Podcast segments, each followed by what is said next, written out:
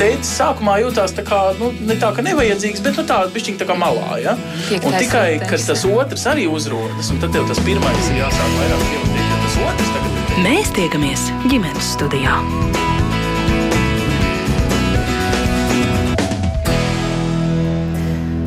Labdien! Savu skanējumu sāk Latvijas radio viens ģimenes studiju. Turpmāko stundu ar jums kopā šeit būs Agnes Linka, raidījumā producenta Ilze Zvaigzne. Latvijā ir nemainīga augsta vienaudžu savstarpējā vardarbības statistika. Šai ziņā esam negatīvie līderi uz citu Eiropas valstu fona. Tas nav nekāds noslēpums jau gadiem. Ko darīt, ja klasē agresīvu bērnu uzvedību, mēģina koriģēt un mēģina risināt visas iesaistītās puses. Problēmai uzmanību pievērš gan vecāki, gan skolas vadība, gan atbalsta personāls, bet nekas nemainās. Par to šodien eh, diskutēsim ģimenes studijā. Mums būs arī kāds ļoti ilustratīvs eh, piemērs, proti, mammas stāsts, bet eh, vispirms atklāšu, ka šeit ar mums ģimenes studijā šodien kopā ir Valsts bērnu tiesība aizsardzības inspekcijas konsultatīvās nodaļas vadītāja Inga Gulbe. Labdien! Labdien! Arī dzen Rīgas domas izglītības, kultūras un sporta departamenta izglītības pārvaldes atbalsta nodaļas galvenā speciālista eksperte. Viņa arī certificēta klīniskā un veselības psiholoģija Iveta Grāvī. Laurīte. Labdien! Rīgas Juglas vidusskolas direktore Helēna Vilkosta. Labdien! Un Latvijas skolu psihologa asociācijas valdes locekle, arī Rīgas Lietuviešu vidusskolas un arī Rīgas 25. vidusskolas psiholoģē Sanita Paula šodien kopā ar mums ģimenes studijā. Labdien! Labdien. Un šodienas sarunu sāksim ar manis pieminēto piemēru, ar ierakstu, kurā kāda mamma, kas vērsās pie ģimenes studijas, uztic mums savu stāstu par gadu gada garumā samilzušu problēmu situāciju dēla klasē. Stāsts ir par kādu nelielu pierīgas skolu. Paklausīsimies!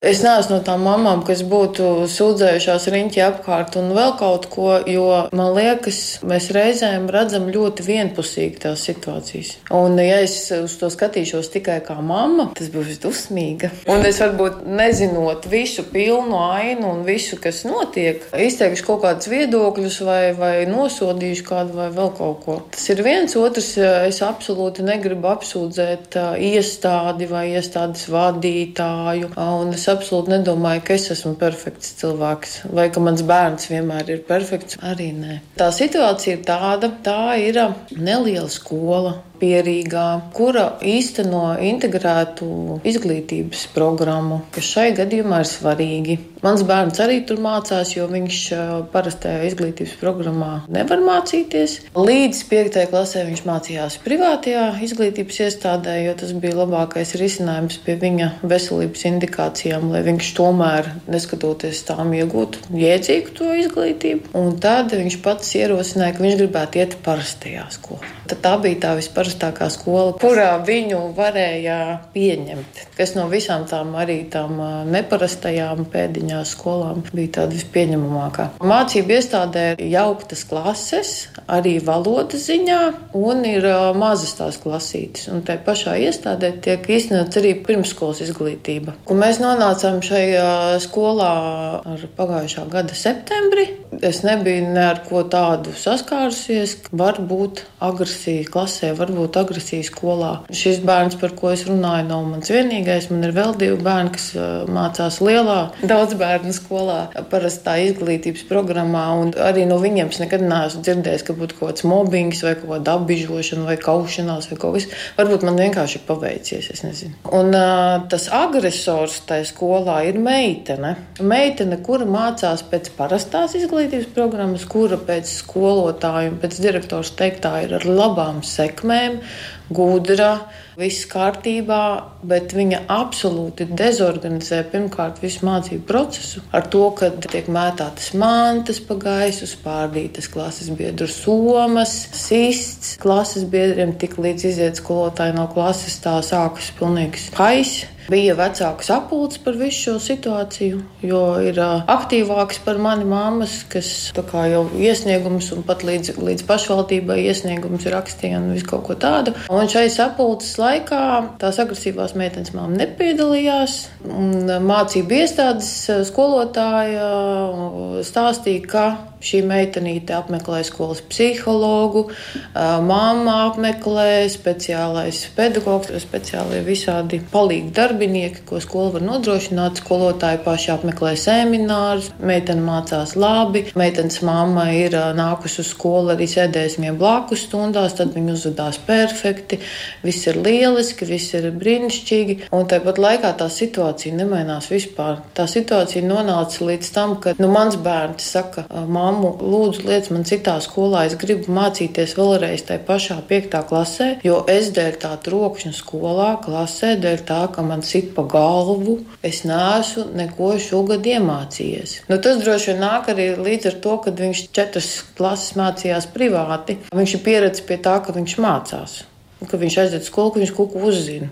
Un te ir pēkšņi pilnīgs hauss, agresija. Viņam tiek sists pa galvu, un, un spārdītas mantas, un mēstas pa gaisu tās mantas, un ne tikai viņam, visiem tur citiem, es saprotu arī. Viņš man vakar pēc nedēļas ilgas, nu vienkārši ar iesnām slimošanas aizgāju uz skolu. Man zvanīja no skolas, lai viņu paņem. Viņam bija tuvu 39 temperatūrai. Es neesmu ārsts, es nevaru pateikt, ka mans slēdziens ir pareizs, bet uh, viņš nekad nav bijis ar tādu temperatūru. Viņam nebija nekas cits, kā tikai šī temperatūra. Viņš nogulēja 20 stundas, un tas ir tikai tāpēc, ka viņš aizgāja uz skolu. Tas jau ir kaut kāds rādītājs, kad kaut kas tur nav labi. Arī teiksim, ir bijusi situācija, kad māsa salauza degunu.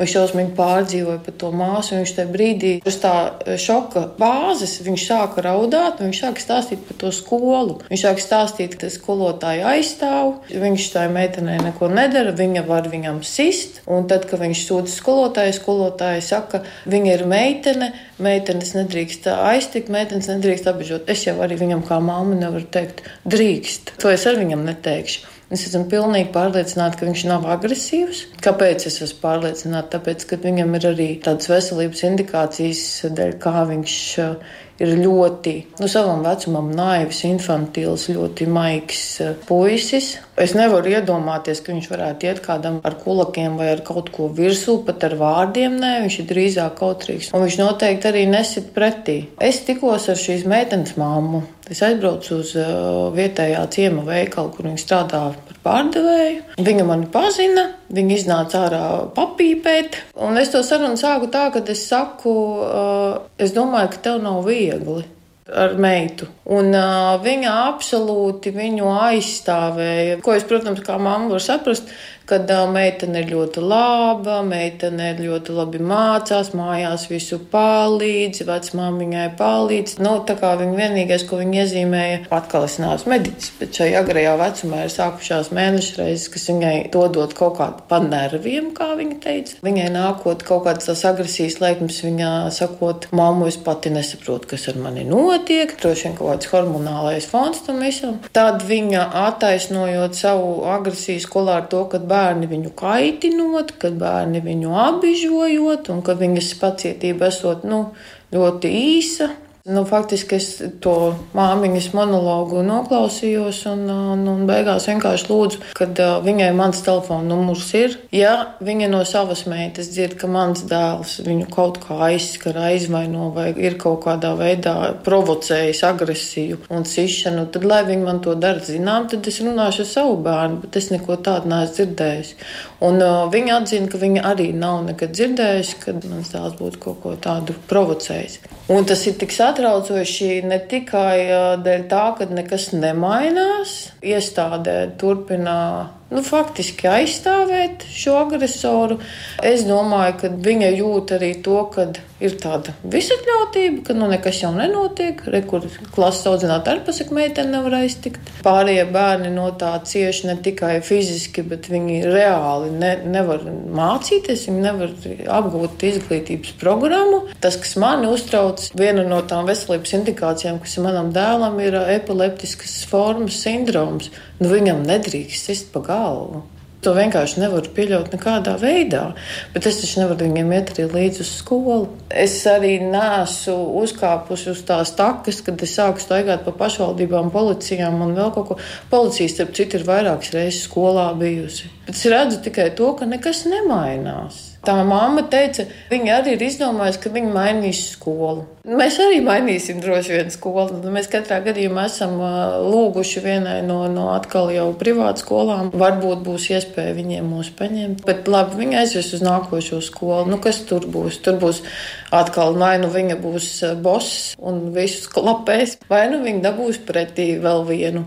Būs, nu, nu kā, kā tas var tā bezgalīgi turpināties? Un šādi bērni maina vienu iestādi, otru iestādi, bet tiešām nav nekāds mehānisms, kur uh, tomēr to uh, vecāku var kaut kā, nu, es negribu teikt, piespiest, bet tomēr mudināt, uh, vērsties pēc kaut kādas profesionālas palīdzības. Jā, bērns mājās ir perfekts, gatavo ēst un apmeklē vecmāmiņu un mācās perfekti, bet tāpat laikā tik līdz viņai neskatās virsū kāds no pieaugušiem pieaugušiem, viņa ir vienkārši atklāti agresīva. Ja tas tā turpinās, un pēc tam tas viss ir uz fona, kad viņi to var turpināt un turpināt un turpināt, nekas tā īsti nenotiek.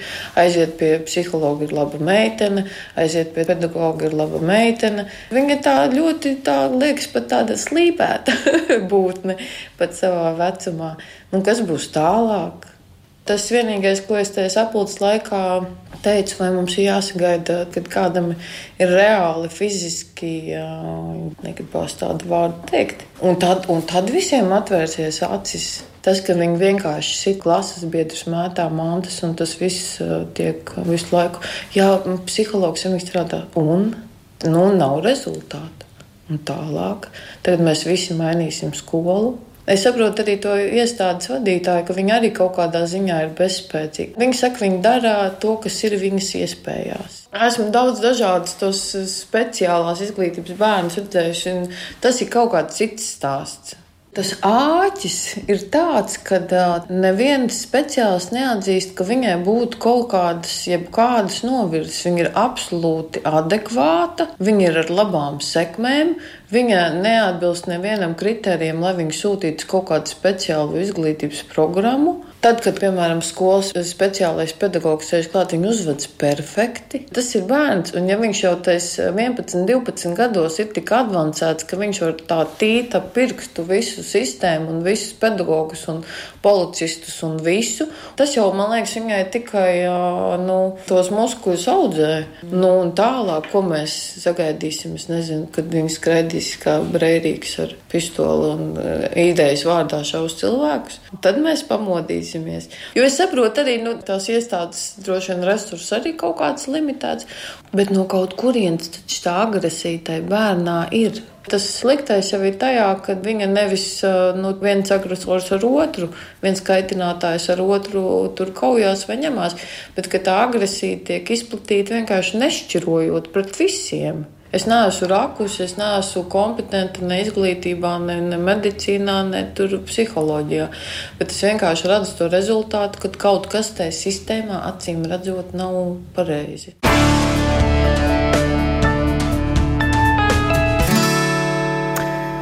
Tāds lūk, mammas stāsts uzticēts ģimenes studijai un arī tagad jums visiem es vērsīšos vispirms pie šī rādījuma klausītājiem. Atrakstiet mums, iesaistieties sarunā, ja jums ir kāda līdzīga pieredze vai formējies viedoklis par tam līdzīgām problēmām skolas vidē un ir kas sakāms, atsūtiet mums ziņu rādījumam ģimenes studiju no Latvijas radio mājaslapas un tad tagad atkal pievēršoties savām studijas viešņām, droši vien tādā secībā, kā pieteicu, eh, sākot no Ingas eh, Gulbas, kas pārstāv valsts bērnu tiesību aizsardzības eh, inspekciju, arī dzen vaicāšu, cik pazīstamas šādas situācijas ir jūsu darba ikdienā un varbūt uzreiz pirms runājam detalizēti ir kaut kas, kādi akcenti, ko jūs gribētu salikt, par ko domājāt šai stāstā klausoties.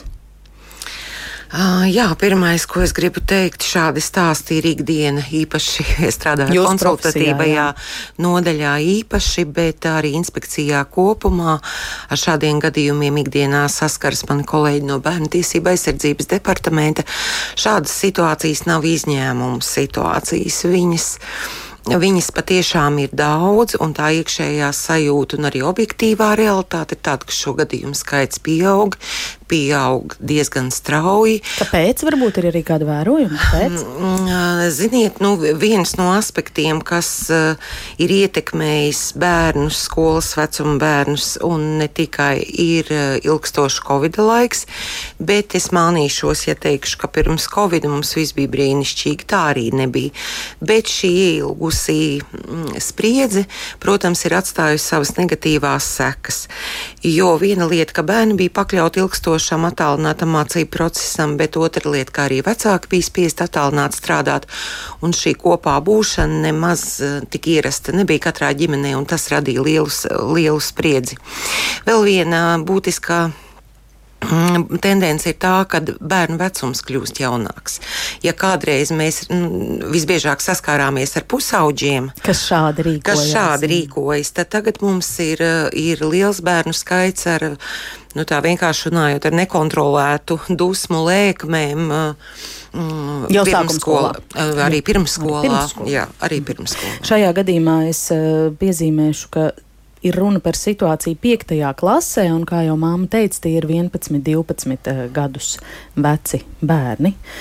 Varbūt vēl kaut kas, ko jūs gribētu akcentēt, kas jums tā kā likās tāds uzsvara vērts šajā stāstā?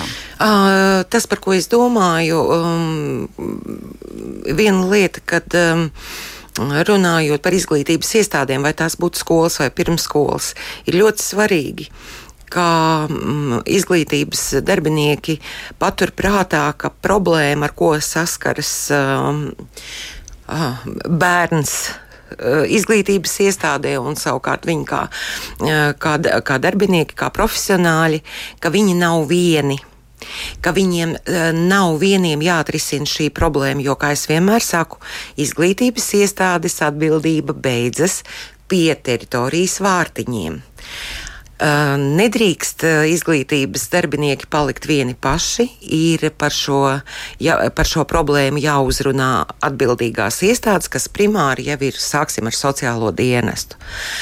Sko, skola vai pirmskola var apzināt problēmas tikai savas kompetences ietvarā, un viņi ir diez, diezgan stipri ierobežota. Mhm. Tas, ko jūs sakāt, ka šajā gadījumā šīs skolas eh, vadībai, ja viņi jūtas eh, bezspēcīgi un kā māma atstāst arī sapulcēs, paziņo, ka ir izdarīts tas, tas, tas, tas process notiek, bet eh, situācija izmaiņa nav, jāvēršas pie sociālā dienesta. Jā, ir, ir tātad bērnu tiesība aizsardzības likums skaidri nosauc iestādes, kuras ir atbildīgas tātad bērnu tiesību kontekstā. Mhm.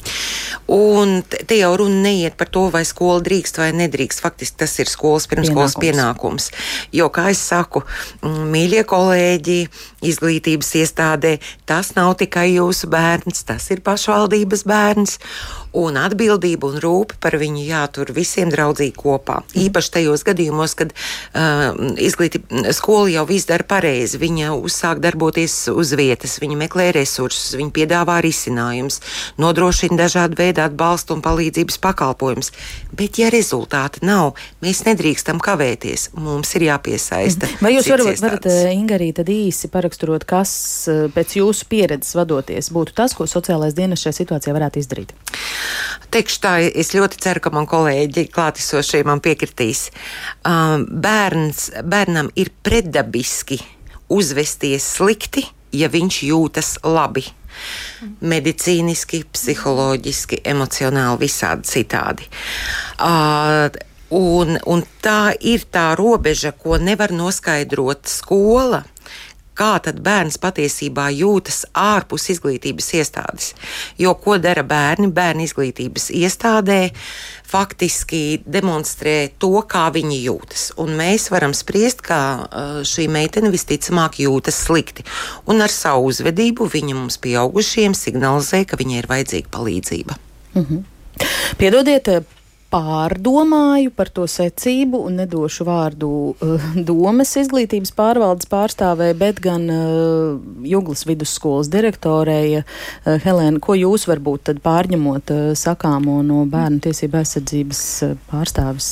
Es teikšu, ka pilnīgi simtprocentīgi piekrītu tam aspektam, ka bērns nekad dzīvē neuzvedīsies um, destruktīvi, ja viņš iekšēji jutīsies labi.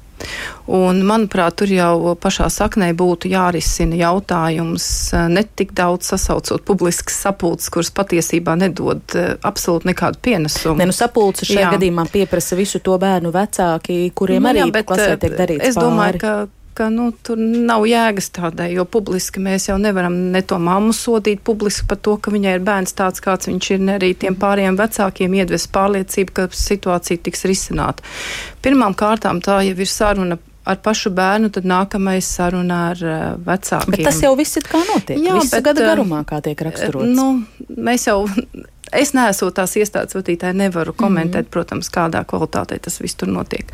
Jo pilnīgi noteikti. Um, Jūs raudzītos es uz raudzītos to, uz, notiek? pirmkārt uz individuālu procesu, ļoti izteikti individuālu procesu. Ko jūs ar to domājat? Es domāju, ka sākotnēji, ja ir šāda problēma, um, es zinu, ka mēs esam līdzīgas situācijas risinājuši, varbūt mazliet citādi rakurs, bet taisnība ir, šie gadījumi kļūst aizvien biežāki.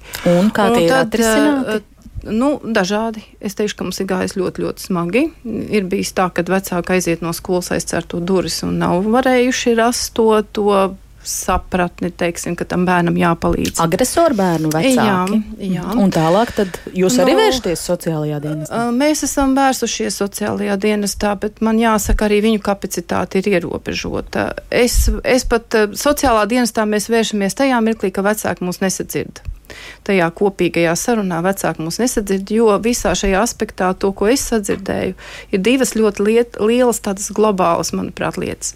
Pirmām kārtām vecākam pašam ir ļoti grūti sev atzīt, eh, ka tas bērns ir varbūt ar problēmām, viņam ir vajadzīga palīdzība, jo viņam taču ārējie faktori norāda to, ka viss ir labi. Un arī šajā gadījumā, piedodiet, iestarpināšu skolas uh, psihologs sniedz nu, atzinumu strādājis. Jā, strādā, nu, protams, bet, uh, bet tur jau arī ar mammu jāstrādā. Māma ir nākusi uz skolu, jā, nu. sēž blakus, bērns uzvedās ideāli. Jā, nu, man arī bija situācijas, ka sēž blakus vecāks, un te jau tam bērnam ir noteikti uzvedības modeļi. Mm. Jūs taču saprotiet, katram cilvēkam dzīvē ir vairākas lomas.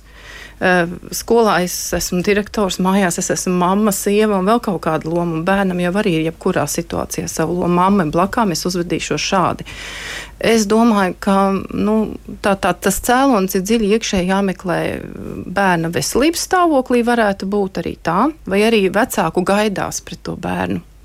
Jo, manuprāt, izskan tas, ka, ka jā, tāds paraugs bērns uz viņu tādas lielas cerības skola ar gaida, ka viņa visu laiku labi ir mācījusies, viss ir kārtībā no šī viedokļa. Pat nepieņem tādu variantu, ka tam bērnam varētu nebūt kaut kas kārtībā. Bet varbūt tas bērns nemaz negrib būt tāds paraugs bērns. Mm -hmm. Bet kamēr nav atrasti visi cēloņi, kāpēc tas tā notiek, varbūt tie ir neiroloģiski cēloņi. Varbūt tie ir fizioloģiski cēloņi. Cukuru daudzums mēdz noteikt dažādas īpatnības mūsu organismā. Tie var būt arī nu, psiholoģiskas dabas cēloņi tieši ģimenē balstīti, jo mēs jau neko šeit tāda. Nu, Tur mums sociālais pedagogs iet skatīties, kā, kā tas bērns uzvedās. Vērotu vienkārši tā, vienkārši sēdētu klasē un kādu brīdi vērotu to situāciju. Nu šeit jau ir noprotams, jā, ka tas notiek jā, uh, gada garumā. Mēģinātu to personu, tad ir tā saruna individuālā, tad ir kompleksā saruna. Tur daudz dažādu tādu virzienu, kā to darīt. Es nesaku, ka tas vienmēr nostrādā. Ko jau... darīt, ja nenostrādā? Nu, tas ir skumji. Es pateikšu godīgi, nu, ko darīt. Citu jau resursu skolai nav kā tās sarunas. Ja? Citu resursu nav. Mēs esam lūguši sociālo dienestu iesaistīties tajā mirklī, kad ir nepieciešams vecāku pārliecināt, ka bērns būtu jāizved pie ārsta. Pat ne tik daudz pie psihologa vai, vai teiksim, psihoterapeita, bet tieši pie neiroloģa. Jo tam var būt arī neiroloģisks dabas iemesls. Mm -hmm. Piedodiet, Ivet, atstāšu jūs vēl, es, jūs man rādat zīmes, bet es atstāšu jūs vēl kā, kā, kā ceturto runātāju, vērsīšos pie, pie skolu psiholoģijas, pie Sanitas Paulas. Vai jūsu pieredzē ir šādi gadījumi, kad tādas šķietami neatrisināmas situācijas un kad patiesi, nu, cik nu ir iestādes iespējās un resursos visi iesaistītie speciālisti strādā pēc labākās gribas un viss ir izdarīts pēc plāna punktiem, bet rezultāta nav. Gribēt, gribētos teikt, tomēr, ka nav laikam līdz galam viss izdarīts, jo tas ir ļoti, ļoti ie, ieildzis. Un principā šeit tiešām būtu jāizveido tāda kopīga schēma, eh, ko tad mēs esam izdarījuši un ko vēl mēs varam darīt. Jo principā šādās situācijās eh, tiešām ir ļoti pārdomāti jāveic šīs darbības, lai būtu rezultāts. Mēs jau varam iet un vērot, bet mums ir jāveic arī no tās vērošanas kaut kādi secinājumi. Un izdarot šos secinājumus, risinājumus, mēs tātad pieņemam lēmumu atkal rīkoties jā, pēc kaut kādas schēmas. Un tas, ko var šajās situācijās darīt, tātad novērojot bērnu, kā viņš rīkojās, teiksim, nu, kaut vai novērot visas dienas garumā, varbūt ir kaut kāds konkrēts stundas, kur bērns varbūt ar savu uzvedību parāda, ka kaut kas nav kārtībā. Varbūt tās ir konkrētas dienas daļas, ka tas bērns nespēja sevi savaldīt. Tur ir vairāki aspekti, kas varētu atspoguļot to dienas gaitu, kurā brīdī tas bērns bērns ar sevi īsti netiek galā. Varbūt ir kaut kādi provokatori, kas to veicina, ja kaut kādas situācijas vai ir kaut kādas vēl mehānisms, kas iedarbina viņai, nu, konkrētam bērnam to uzvedību neadekvāto. Un tas, ko vēl var darīt, ir izveidot, piemēram, pozitīvās uzvedības plānu. Un šajā plānā, piemēram, izveidojot šo schēmu, nokonstatējot, kuros brīžos šis bērns nespēja uzvesties, tad izdarīt šo pieņēmumu, ka, ja viņš nevar, teiksim, stundu laikā sadzīvot, tad varam mācīties, teiksim, kopā ar sociālo pedagogu vai pedagogu palīgu atsevišķā telpā. Vai, ja, piemēram, viņš nespēja uzvesties, teiksim, starpbrīžu laikā, starpbrīžu laiku pavadīt kopā arī ar kādu no atbalsta personāla speciālistiem. Tā kā, manuprāt, te būtu vēl ko darīt. Un tur tiešām ļoti smalki un skrupulozi vajadzētu izsacināt, kas tad ir tas palaidēja mehānisms, kāpēc tas bērns tik destruktīvi uzvedās. Bet vai mēs varam pieņemt, ka jūsu kolēģi šajā konkrētajā skolā, jo māma vairāk kārt pieminēja, ka no uh, skolas tiek ziņots un skaidrots, ka ir iesaistīts gan skolas psihologs, gan sociālais pedagogs, vai tad mēs varam pieņemt, ja, piemēram, gadu speciālisti strādā ar šādu bērnu klasē, ka situācijā nav izmaiņu? -huh. uh, nu, ja, teiksim, apmeklē skolas psihologu, vai tur ir veikta pirms tam izpēte, vai tur ir nosūtījums pie speciālistiem, jo, kā jau minējāt, arī iepriekš, uh, tā tad varētu tas būt gan neiroloģis, gan psihiatrs, tā tad izvērtējumu par to bērnu, lai zinātu, ko tad vēl var darīt. Jā, varbūt tam bērnam pavisam cita veida mm, terapija ir vajadzīga. Tāpat var, laikā izskanēja, ka ir atzinums, ka, ka, ka, ka bērns ir ļoti mm. adekvāts, ka viņam viss ir kārtībā, arī sekmes jā. labas un pieauguši šo klātbūtnē ļoti labu uzvedību. Varbūt. Uh, vēl varbūt viens aspekts, un to arī nevar izslēgt, ka, piemēram, bērniem, kuriem ir tāda, jāsaka, izlutinātība, jā, kuriem ir dažādi šīs te audzināšanas modelis mājās, arī viņu uzvedība var būt nepieņemama un destruktīva tajā vidē, kur varbūt viņš tajā brīdī ar kaut ko nav mierā. Mm. Mm -hmm. Un visbeidzot, tad vērsīšos pie pašvaldības eh, pārstāvis Iveta Grāvīta, Rīgas domas izglītības, kultūras, sporta departamenta izglītības pārvaldes pārstāve. Arī jūs esat uh, certificēta klīniskā un veselības uh, psiholoģi, bet tomēr pārstāvat pašvaldību. Un ja skola ar kaut ko galēji netiek, uh, netiek galā, netiek atrisināta šāda problēma, tad es saprotu, ka konkrētās pašvaldības izglītības pārvalde ir tā, kas uh, pieslēdzas procesam, Jā. ar ko tad uh, šajā gadījumā izglītības pārvalde var mm, palīdzēt, jo mamma arī uh, savā, savā stāstījumā minēja, ka citi klases vecāki ir aizrakstījušies līdz pašvaldībai ar iesniegumiem un lūgumiem palīdzēt jau pirms laba laika, un nekas nemainās. Jā, nu es pirmkārt ļoti gribētu piekrist sanitai par to pozitīvās uzvedības plānu Un, eh, ši, un šis ir plāns, kurš, ja piemēram viņš eh, nedarbojās, tad, eh, tad viņš ir jāpārskata. Un pie tam šādu individuālo uzvedības plānu uh, mēs skatāmies uz, sākotnēji uz divām nedēļām, nu, varbūt augstākais uz mēnesi, un paskatāmies, vai tas darbojās vai nedarbojās. Un atkal man jāskandina, ka ierakstā vairāk kārt izskanēja skolas psihologs, sociālais pedagogs strādā. Jā, bet mēs gadu. nezinām, bet mēs nezinām, kā viņi strādā. Varbūt viņi ļoti labi strādā. Bet, uh, bet šeit ir runa tieši par to, ko teica Sanita par šo plānu. Uh mhm. -huh par uh, schēmu, kurā mēs esam visi mācījušies, vismaz Rīgā jau nu noteikti šo te ABC schēmu, kas ir tas, ko Sanita teica, kas ir tas trigeris, uh, kas palaiž, tā, kas, kāpēc tā meitene kļūst agresīva, kurā brīdī, ja? kas notiek pēc tam. Varbūt, piemēram, tajā brīdī, kad viņa izmētā visas grāmatas, tad, piemēram, stunda vienkārši nenotiek. Un īsnībā un tas ir tas, ko viņa gribējusi, mērķi viņa sasniegusi. Uh mhm. -huh. Tas, par ko mēs tagad par pārvaldes līmeni runāsim, tad ko pirmā lieta, iesākt, tā pirmā lieta ir tāda, ka, ja mēs runājam par Rīgu, ka, ka mēs kopīgi ar skolas atbalsta personāla speciālistiem pārnājam šo uzvedības plānu. Paskatāmies, arī, ar, arī es pati ieju klasē, mēs kopīgi paskatāmies, pārunājam, kas ir tās lietas, kuras varbūt, kuras, kuras varbūt skola neredz, kuras varbūt vajadzētu pamainīt. Un tad mainām. Otra lieta - reizēm izglītības pārvalde darbojas kā mediātors. Jo skola ir iesaistīta. Skola jūtās tā, ka viņi ir izdarījusi visu, pilnīgi visu. Ja? Un vecākam savukārt šķiet, nu, ko tad jūs no manis vispār gribat? Ja? Un tad uh, pārvalde ir kā mediātors, kurš uh, kā, palīdz šo situāciju ar tādām neitrālākām acīm paskatīties. Tad tā trešā lieta ir tāda, ka kaut kādos īpašos brīžos skola var vērsties pie izglītības pārvaldes un lūgt uh, pedagoģu palīdzību. Uh, es nezinu, kā tas ir piektā klasē, jo Iespējams, ka piektā klasē tas būs ļoti sarežģīti, ja tā meitene būs pedagoģa palīgs pēkšņi nu, tik, tik lielā vecumā. Nu, asistents. Nu, asistents jā. Jā. Kas bet, ir liels deficīts jā. jau tiem bērniem, kuriem ir jā. speciālās jā. vajadzības izglītībā. Jā, bet uh, mums ir ļoti labi piemēri un mums ir netik labi piemēri.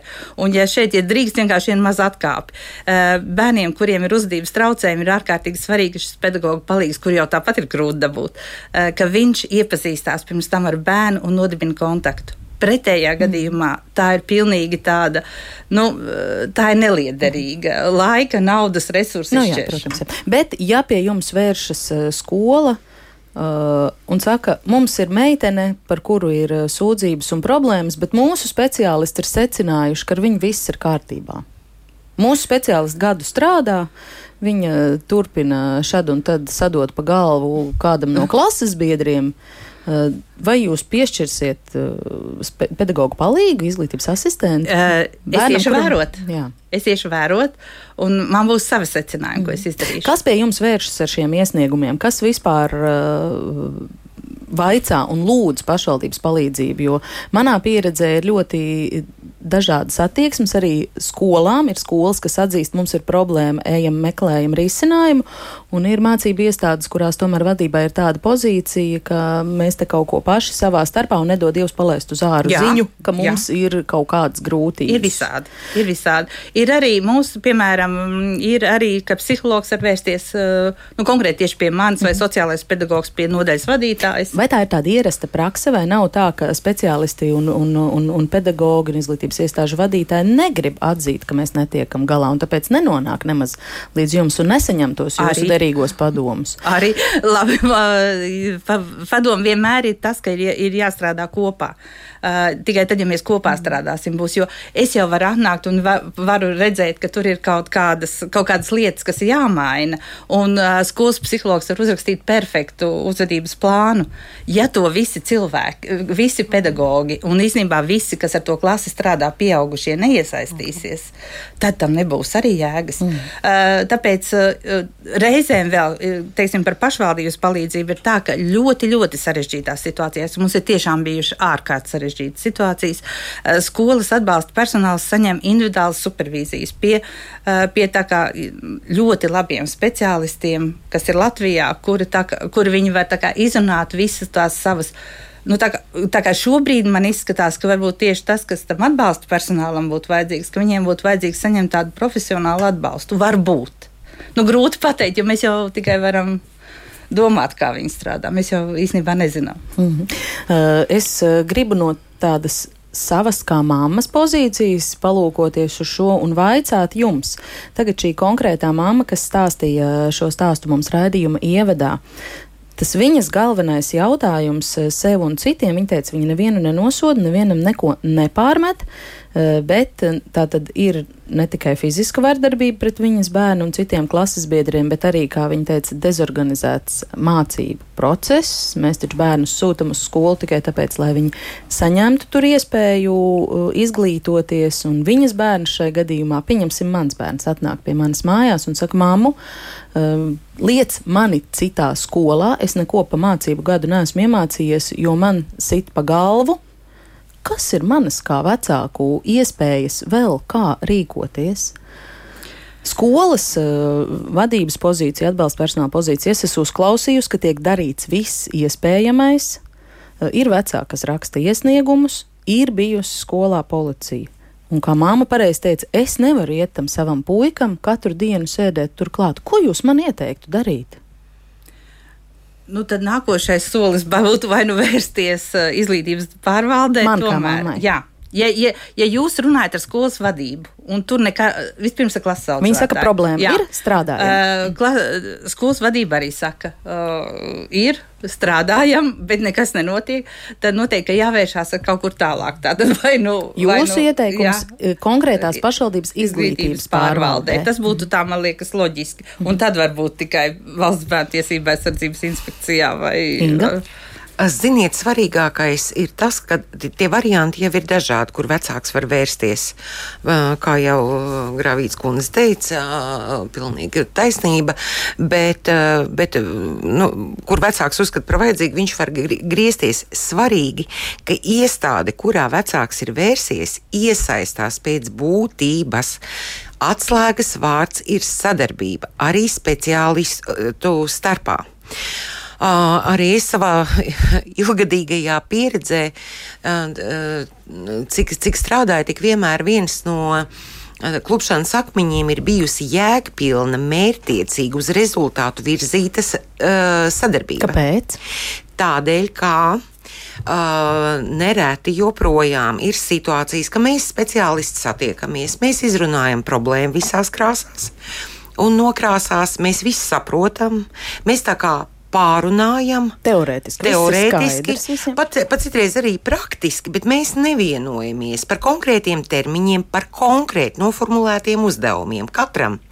Jo šeit, kā saka, viens nav spēlētājs. Um, labu rezultātu mēs parasti varam uh, sasniegt tikai strādājot kopā.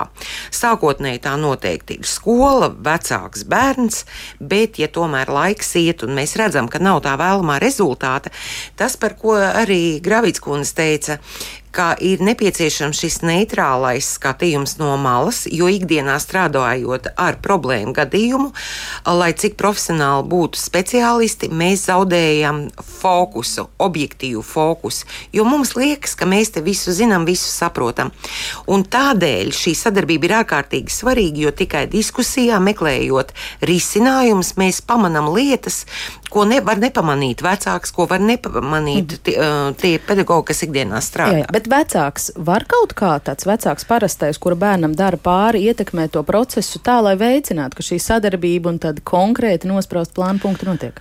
Uh, ziniet, vecāka pienākums nav, nav zināt nianses, kā problēma ir izcināma.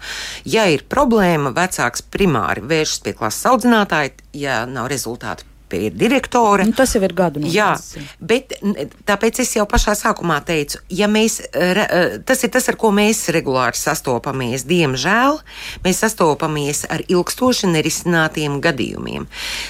Saņemot iesniegumu ar lūgumu palīdzēt, nereti mēs redzam, ka bērns mācās 5, 7, 8 klasē, bet problēmas sākums ir meklējams pirmskolas vecumā un ilgstoši nerisināts problēmas, saprotiet, pašas no sevis uh, nezūd. Jo tas, ko man kolēģi šeit uh, minēja, ir ārkārtīgi svarīgi runājot par tādu mētiecīgu profesionālu darbu uz vietas skolā. Bet es tomēr lūkšu nezaudēt šo mm, ļoti būtisko sadaļu. Mēs nezinām, kā bērns jūtas ārpus skolas. Un tas ir ļoti svarīgi. Mm. Um, mums, mums no mammas stāstītā iztrūkst informācija, ko meitene pati saka, kas ir tas iemesls. Ja viena lieta, ko viņa mammai saka, bet, kā, bet ko viņa skolā ir teikusi. Uh, kamēr mēs netiksim pie patiesā cēloņa, mēs bērnam nevaram palīdzēt. Mm. Ļoti daudz klausītāju komentāru iestarpināšu ar dažiem, un tad došu Helēnai vārdu. Normunds raksta, vaina ir vecākos, agresija ir YouTube, kamēr vecāki būs vīzdegunīgi, tie citi bērni tikai ne mans, tikmēr nekas nemainīsies. Dainis vaicā, vai jūs nepieļaujat, ka ir vienkārši ļauni cilvēki, kur izauguši no ļauniem bērniem, un kādēļ jums šķiet, ka tie visi vecāki savus bērnus cenšas audzināt par labsirdīgiem cilvēkiem. Daudzi uzskata, ka tikai ejot pāri līķiem var tikt uh, dzīvē uz uh, priekšu. Normunds arī jautā droši vien retoriski, vai kāds ir padomājis, kādēļ bērns mājās ir kā pelīte. Un, Vēl kāda mamma, jāsaka, jāsāk ar māmu. Izklausās, ka mamma vai situācija mājās vai kas tam līdzīgs veicina meitenes provokācijas un um, agresivitāti. Helēna, jūsu padoms, ja es kā šī, eh, kā šī māmiņa, kas eh, stāstīja radījuma sākumā, vērstos pie jums ar jautājumu, nu, ko tad vēl eh, tālāk man izdarīt, jo mans pienākums ir nodrošināt savam bērnam drošu vidi mācību iestādē? Nu, es jums teiktu, ka jūs ļoti labi esat atnākusi pie manis aprunāties šajā situācijā. Grūti jau ir pateikt, redzat, katra situācija ļoti individuāla, ka te kolēģis jau to arī akcentēja. Eh, manā praksē ir bijis gadījums, ka mm, bērnu destruktīvā uzvedība ir kaitējoša sev un apkārtējiem un arī jauc šo mācību procesu.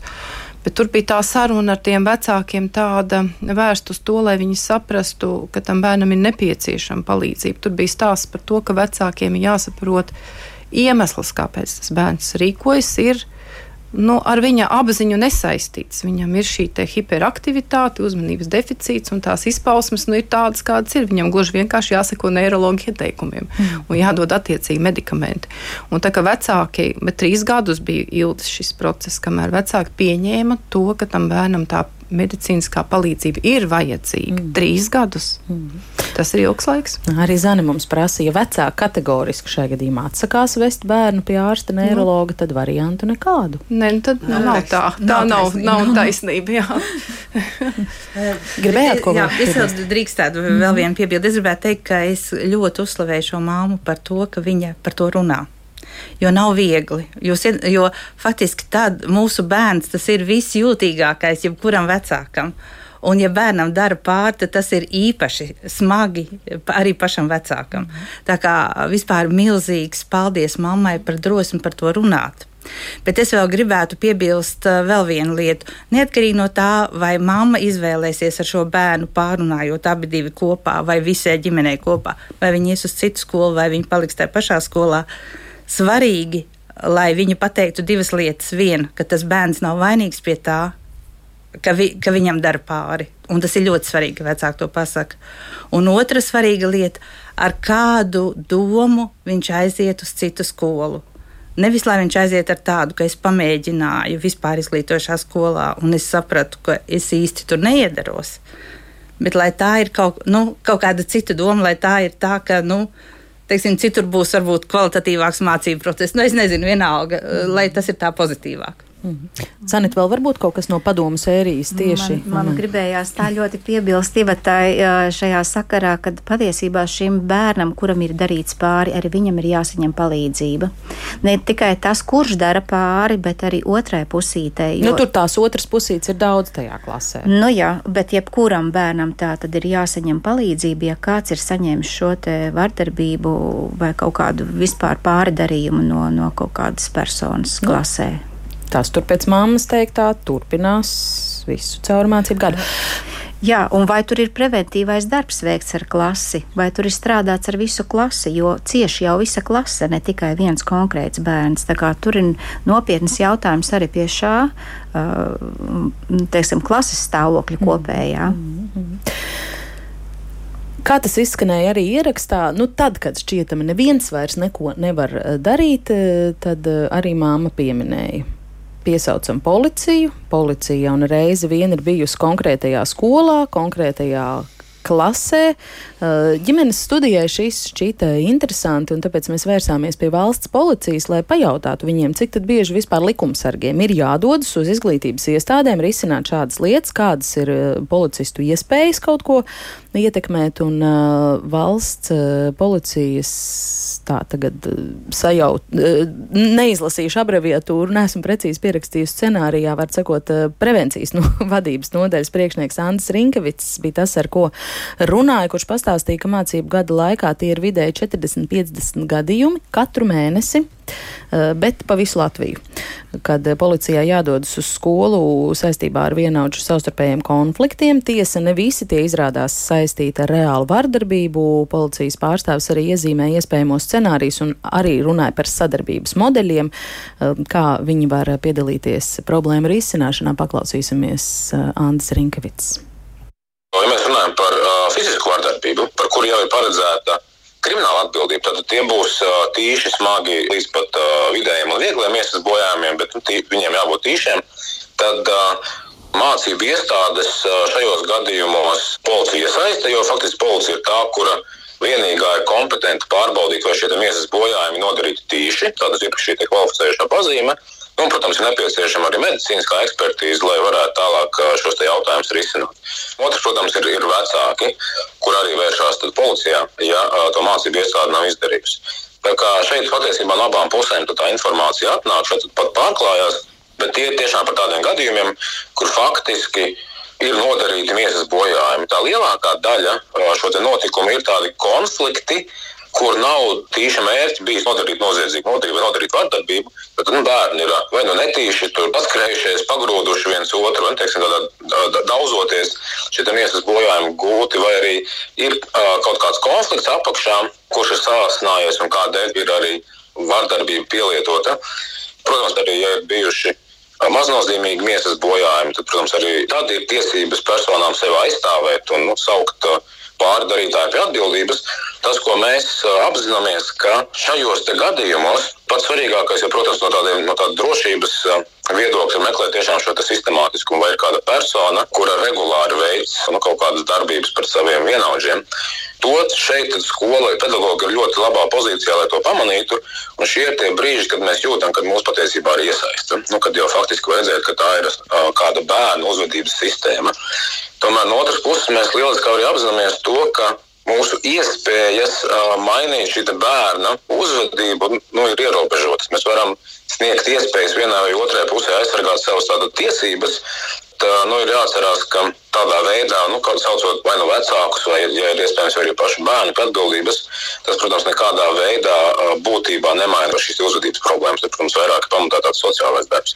Tā kā mēs iesaistāmies un šo disciplīnas momentu varam pienest klāt, un šādi tas palīdz, šādi tas tiešām nostrādā, bet nu, pamatā tur tiešām tāds audzināšanas vai, vai sociālais darbs pamatā nu, kur policija ir tikai viena no šiem spēlētājiem. Ir jāapzinās, ka šeit patiesībā ir darbs ar bērnu. Līdz ar to tā mūsu iespēja vērsties kaut kādā veidā pret šo subjektu krietni savādāka nekā pret pilngadīgu personu. Nu, ja mēs nerunājam par personu saukšanu pie atbildības, Tas ir viens no līdzekļiem. Un tad ekspertu viedokļi dalās, vai tas vispār ir uh, efektīvi vai nav efektīvi un pat dažādi pētījumi, kur pierāda kardināli pretēju šo efektu, sodam kā ietekmēšanas līdzeklim. Tomēr tas, kas nereti nostrādā, ir šīs pārunas ar bērniem, kuras veids policijas amatpersonas. Un apakšā patiesībā nav nekas cits kā jauniešu disciplinēšana. Tomēr, būsim godīgi, tas nav līdzeklis, kas strādā uz visiem. Un, ja ir bērns, kura uzvedība ir faktiski jau tik antisociāla, tad uh, arī policijas ietekmēšanas līdzekļi faktiski nenesīs nekādu tūlītēju efektu. Tāpēc jau patiesībā uzsvars arī visām šajā bērnu tiesību aizsardzībā ir uz sociālo darbu, ka ir jāmēģina ietekmēt un mainīt viņa uzvedību. Policija tajā darbā var palīdzēt tikai ar kontroli faktiski.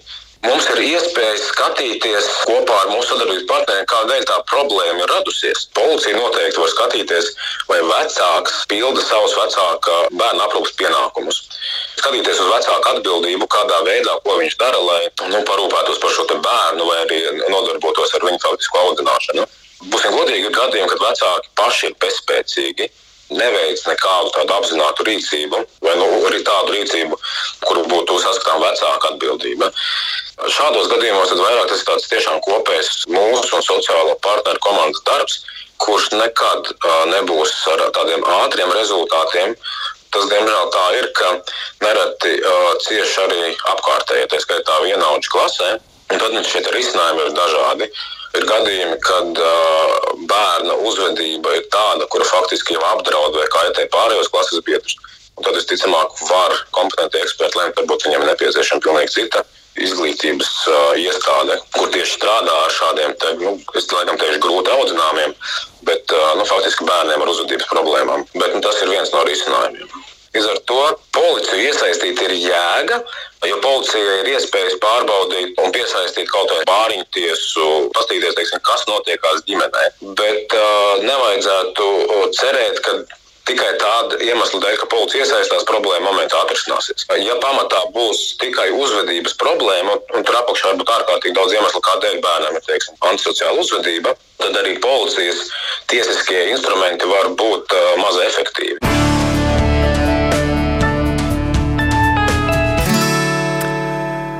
Tālūk, valsts policijas galvenās kārtības policijas pārvaldes prevencijas vadības nodaļas priekšnieks Andis Rinkevits. Vai kas piebilstams viņa teiktajam? Mums ir vēl trīs minūtes laika, tā kā katrai nepilnu minūtu varu atvēlēt. Jā, es, es piekrītu šī policijas par to, ka ir jāstrādā kopā. Un, um, un ka tas nebūs vienīgais risinājums, un tas noteikti nedarbosies uz visiem. Un, bet tas, ka policijai kaut kādas lielākas iespējas paskatīties, kas notiek ģimenē, jo ļoti daudz mūsu klausītāji arī raksta, ka lielākā daļa atbildības ir pašu vecāku Jā. attieksmē, un ka citu Jā. iestāžu iespējas bet tajā ielūkoties dienestam. varbūt ir ierobežotas. Arī sociālam dienestam ir iespēja ģimenē, jo tieši tas jau ir tā, tā sociālā dienesta funkcija būs. Viņi ies mājās, viņi, viņi, viņi pārunās ar ģimeni. Un šī sakarībā, jā, pilnīgi piekrīt par ģimeni un arī, teiksim, Rīgas Rīgas domas izglītības kultūras sporta departaments apmaksā ģimenes terapijas.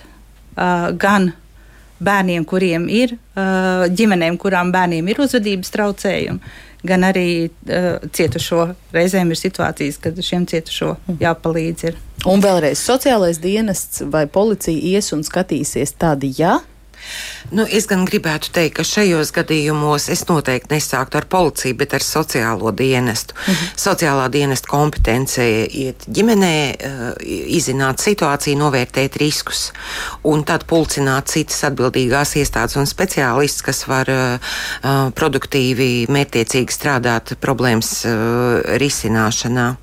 Izmantojot situācijas, arī gribu teikt, ka mm, ne tikai Rīga, tas ir lieliski, ka Rīga nodrošina ģimenes terapija, bet arī, mm, arī nē, uh, projekta ietvaros uh, arī Valsts bērnu tiesība aizsardzības inspekcija otro gadu nodrošina bezmaksas ģimenes psihoterapiju. Mhm. Tad jau var izstāvēt rindu.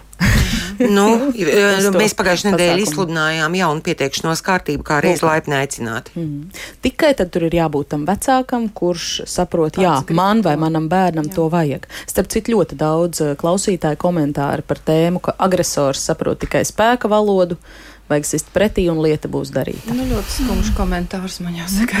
Um, bet vēl e, resurss ir uh, starp institūciju sanāksme, kur sanāk visas iesaistītās um, šīs institūcijas ieinteresētas uh, bērnu problēmas risināšanā. Tas arī ir jāizmanto. Tas ir ļoti labs resurss. Atkal jautājums, kas to inicijē?